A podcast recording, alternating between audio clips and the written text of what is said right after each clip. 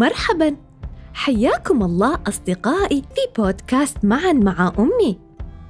قصة اليوم تدور أحداثها بين طارق الذي أراد تسلق جبل الشجعان والحكيم الذي وصف له هذا الجبل. لنستمع إلى القصة ونتخيل سويا كيف يبدو شكل هذا الجبل. طارق والجبل الشاهق. كان يا مكان في قديم الزمان وسالف العصر والأوان. في قرية بعيدة عاش أهلها في أمان. جبل شاهق لم يتسلقه أحد من قبل إلا الشجعان. أراد شاب اسمه طارق تسلق هذا الجبل الشاهق. فذهب إلى حكيم القرية على عجل. يريد منه أن يصف له شكل هذا الجبل. قال الحكيم سأصف لك شكله. فارسم. جهز طارق الألوان وابتسم.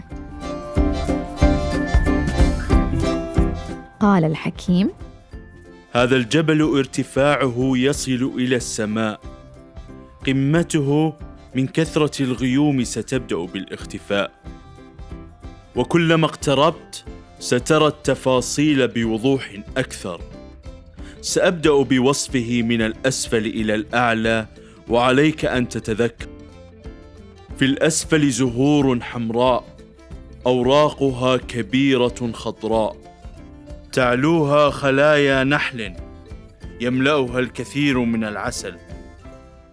يعلوها أرض صخرية بزوايا حادة ذهبية.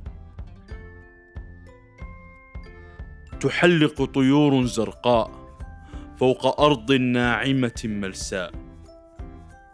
ويعلوها أرض مكسوة بالثلج الأبيض وأرانب بألوان الطيف تركض. وكما أخبرتك عن القمة فغيوم ونجوم جمة. والآن بعد أن اكتملت الصورة أصبحت مستعدا لتزوره. فرح بخريطته طارق. وانطلق إلى الجبل مع الشجعان يتسابق.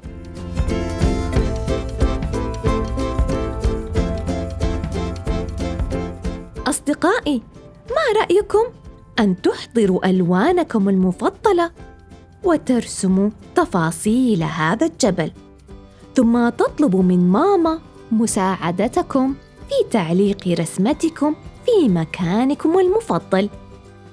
شكرا لحسن استماعكم. هيا فلنحضن أنفسنا ونردد سويا. أنا مبدع.